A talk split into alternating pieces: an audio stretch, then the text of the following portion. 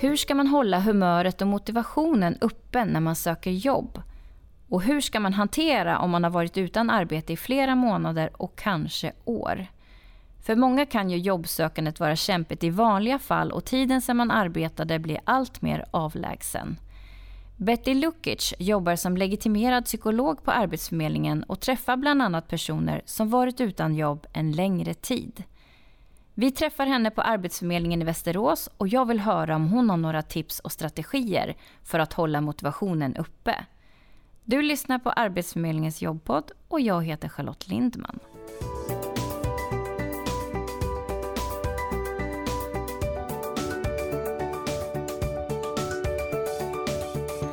Välkommen hit Betty. Tack så mycket. Betty, du jobbar ju bland annat med personer som har varit utan arbete en längre tid och eh, du är psykolog på Arbetsförmedlingen. Mm. Kan du berätta lite grann vad du jobbar med och på vilket sätt? Mm. Eh, dels så jobbar vi med personer som eh, är arbetssökande och kanske som befinner sig en bit ifrån arbetsmarknaden av olika anledningar. Det kan också vara personer med en funktionsnedsättning som behöver hjälp att eh, komma ut i arbete och eh, anpassa eh, arbetsplatsen och arbetsuppgifter. Men även inför att gå ut i ett arbete så jobbar vi ju med vägledande samtal. Ehm, och ibland också om man behöver ta reda på vad har jag för styrkor och, och svårigheter att eh, även utreda om det finns något eh, form av hinder som man behöver eh, ändå förhålla sig till. För att man eh, också lättare ska kunna göra anpassningar sen när det blir aktuellt med ett arbete. Men eh, vad är det för känslor som kommer över oss när vi har varit utan arbete en längre tid?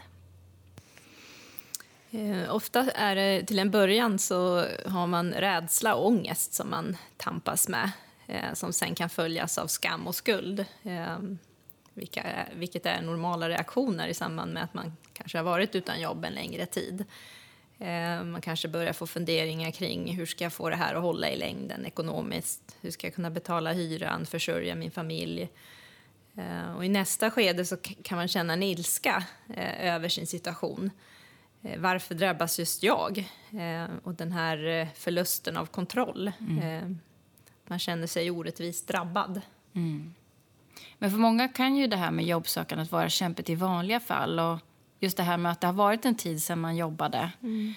Vad är det för typ av hinder då som uppstår i samband med jobbsökandet?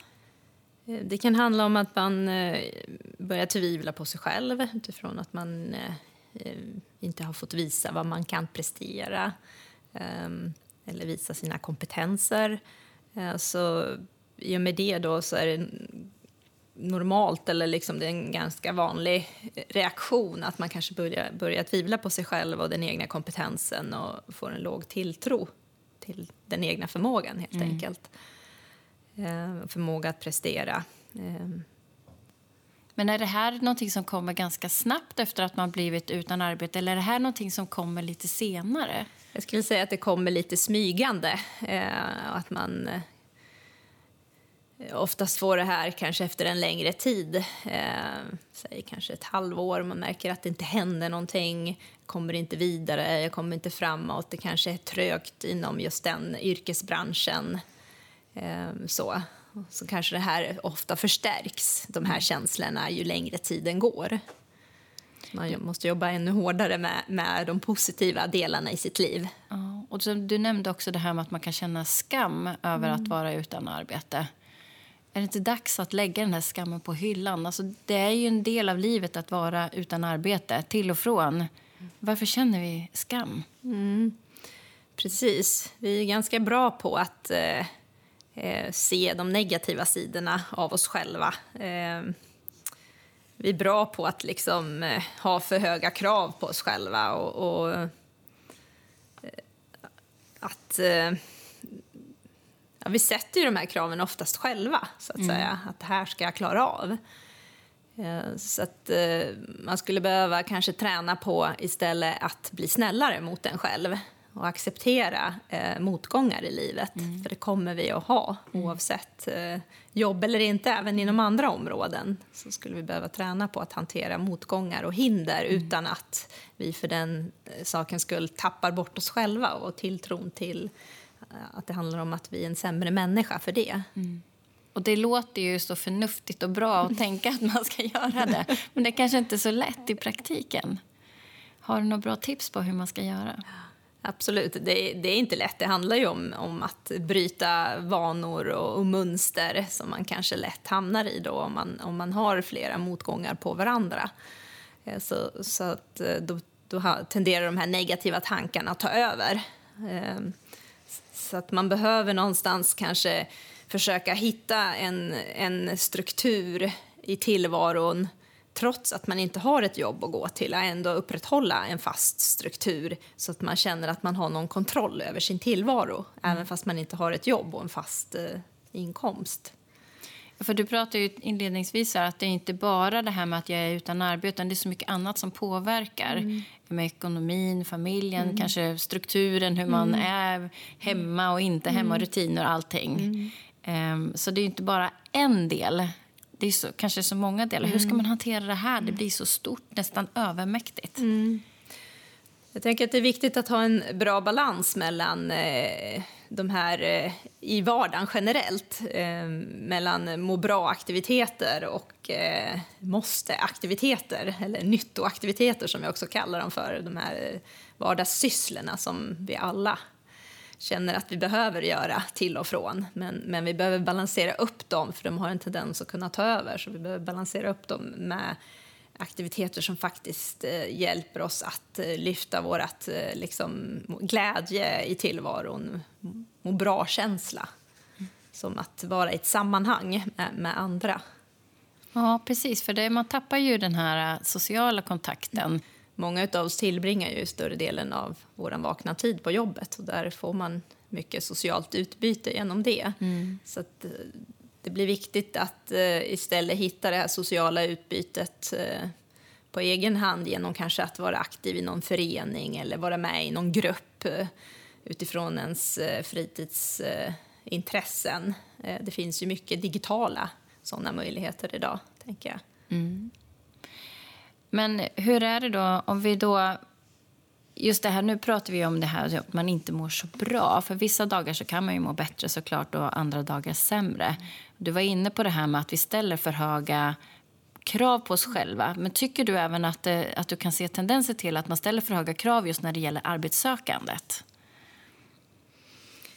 Eh, ja, att vi behöver kanske se till individen, att vi alla olika har olika förutsättningar eh, olika styrkor och, och, svårigheter. Så absolut, och även eh, att vi själva behöver eh, anpassa och reglera eh, vad vi förväntar oss av oss själva och att det, det behöver bli lite mer acceptabelt att ha sämre dagar, att ha dåliga dagar då jag kanske presterar lite mindre eh, även om jag är hemma så att säga, och är mm. arbetssökande och inte är på jobbet. Eh, jag kanske kan eh, sänka kraven på hur många jobb jag söker just idag för att idag har jag en lite, eh, ja, befinner jag mig i en svacka. Jag känner mig inte så på topp, liksom. jag är inte så glad, det känns lite motigt och, och jobbigt just nu. Jag tänkte vi skulle prata lite framgångsfaktorer också. Eh, när, alltså om du har några bra knep här för att man ska liksom lyfta upp sig, på vilket sätt ska man göra? Jag tänker en strategi som eh, mer eller mindre alla kan vara hjälpta av det är att titta på tidigare motgångar. För vi har ju alla motgångar med oss i bagaget. Och hur löste jag dem? Kan jag använda någon av de strategierna som jag använde tidigare som visade sig faktiskt eh, föra mig framåt? Det behöver inte vara så stor kris kanske, Nej, eller det kan vara en enklare motgång?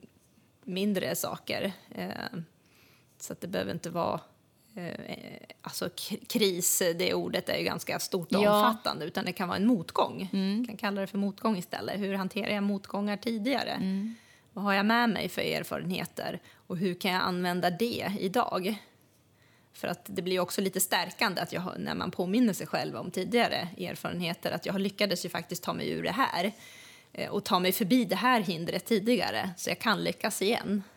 Har du något konkret exempel på hur man skulle kunna få till det här?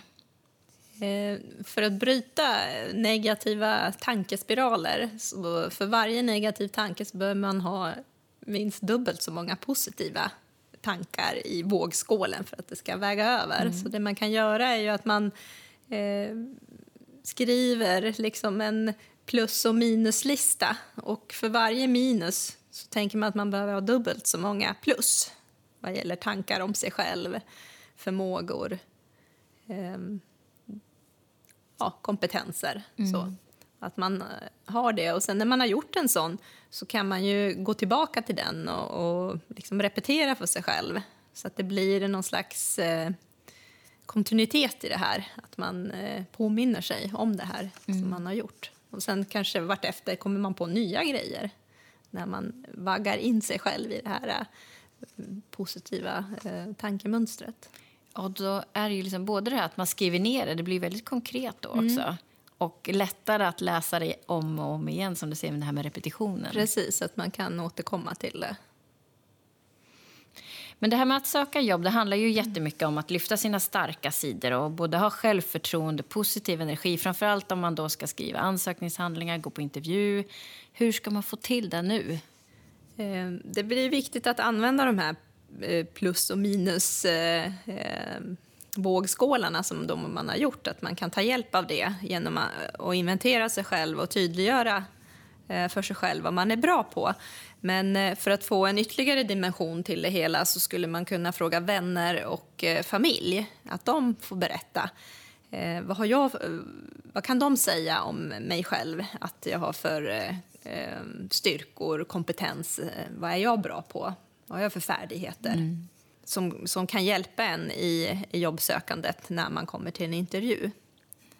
Just att få ett utifrån perspektiv och, och dessutom kanske fylla på den där listan. Absolut. Mm. Sen också är det viktigt att man sätter upp jobbsökandet i små, många delmål. Eh, om man tar ett steg åt gången. Eh, istället för att ta jättekliv.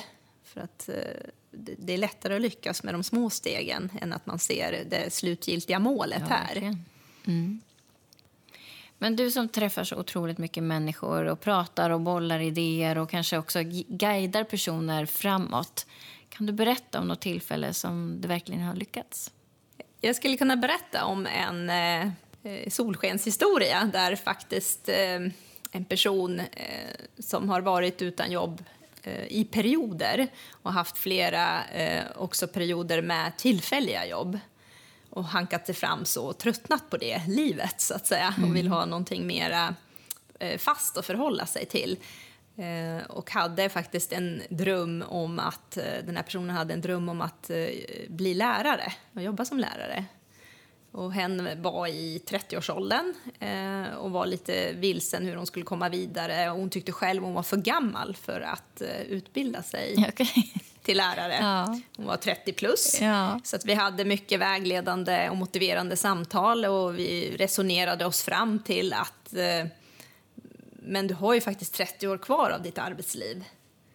Eh, Precis, det är ju lång tid. Och, och vad, vad, är det värt? Liksom, mm. att få vara på en arbets, vad är det värt att få vara på en arbetsplats där du trivs och du får göra någonting som du tycker om? Och få gå till en sån arbetsplats varje dag så kan det vara värt att studera i fyra år eller fem år. Eh, vad nu, eh, liksom, hur lång utbildningen nu än är egentligen. Men hon var lite mer inne på att om det hade varit något yrke som kanske bara tog två år, då hade hon mm. tyckt att det var okej, okay, mer mm. okej. Okay. Men, men vi resonerade eh, kring för och nackdelarna än att gå 30 år till och vara missnöjd. Ja. Och vad gör det med en själv? Ja, det kan ju bryta ner. Ja, ja så att eh, personen sökte i alla fall till eh, lärarutbildningen och började studera. Mm. Det var mycket liksom, utifrån att hon fick lite vägledande och, och, motiverande samtal. Vi kunde prata om det här, om hennes eh, farhågor eller hennes... Eh, eh, ja, eh, vad hon liksom befarade eller tänkte att det här kommer inte jag att klara av också. Det fanns ju också en, mm. en låg tilltro att eh, hon skulle klara av en sån utbildning. Mm. Och då förstår man ju kraften i det här också med att ha den här bollningen eller dialogen, precis som du har då som psykolog. Att också spegla den här personen och peppa och så att man får liksom dra det här några vändor. Mm. För jag antar att det är så du får jobba väldigt mycket. Precis, att eh, ge det flera tillfällen och samtal och att det här tar lite tid eh, innan personen kanske själv kommer fram till att ja, det är det här jag vill göra. Det här, de här möjligheterna finns ju. Så att man behöver ha tålamod och eh, ja, ge personen tid helt enkelt. Om vi skulle sammanfatta de viktigaste bitarna av att hålla motivationen uppe om man börjar känna den här dippen, mm. vad skulle du säga då? Eh, dels att hålla en struktur i vardagen för att känna att man har en kontroll i sitt liv eh, i övrigt, så att säga. Eh, och sen att kontinuerligt inventera sig själv och sina styrkor. Och även gå igenom kanske vad finns det för andra möjligheter, vad finns det för andra vägar? Att försöka bredda sin, det man kan tänka sig att arbeta med eller studera, att titta på liksom andra möjligheter.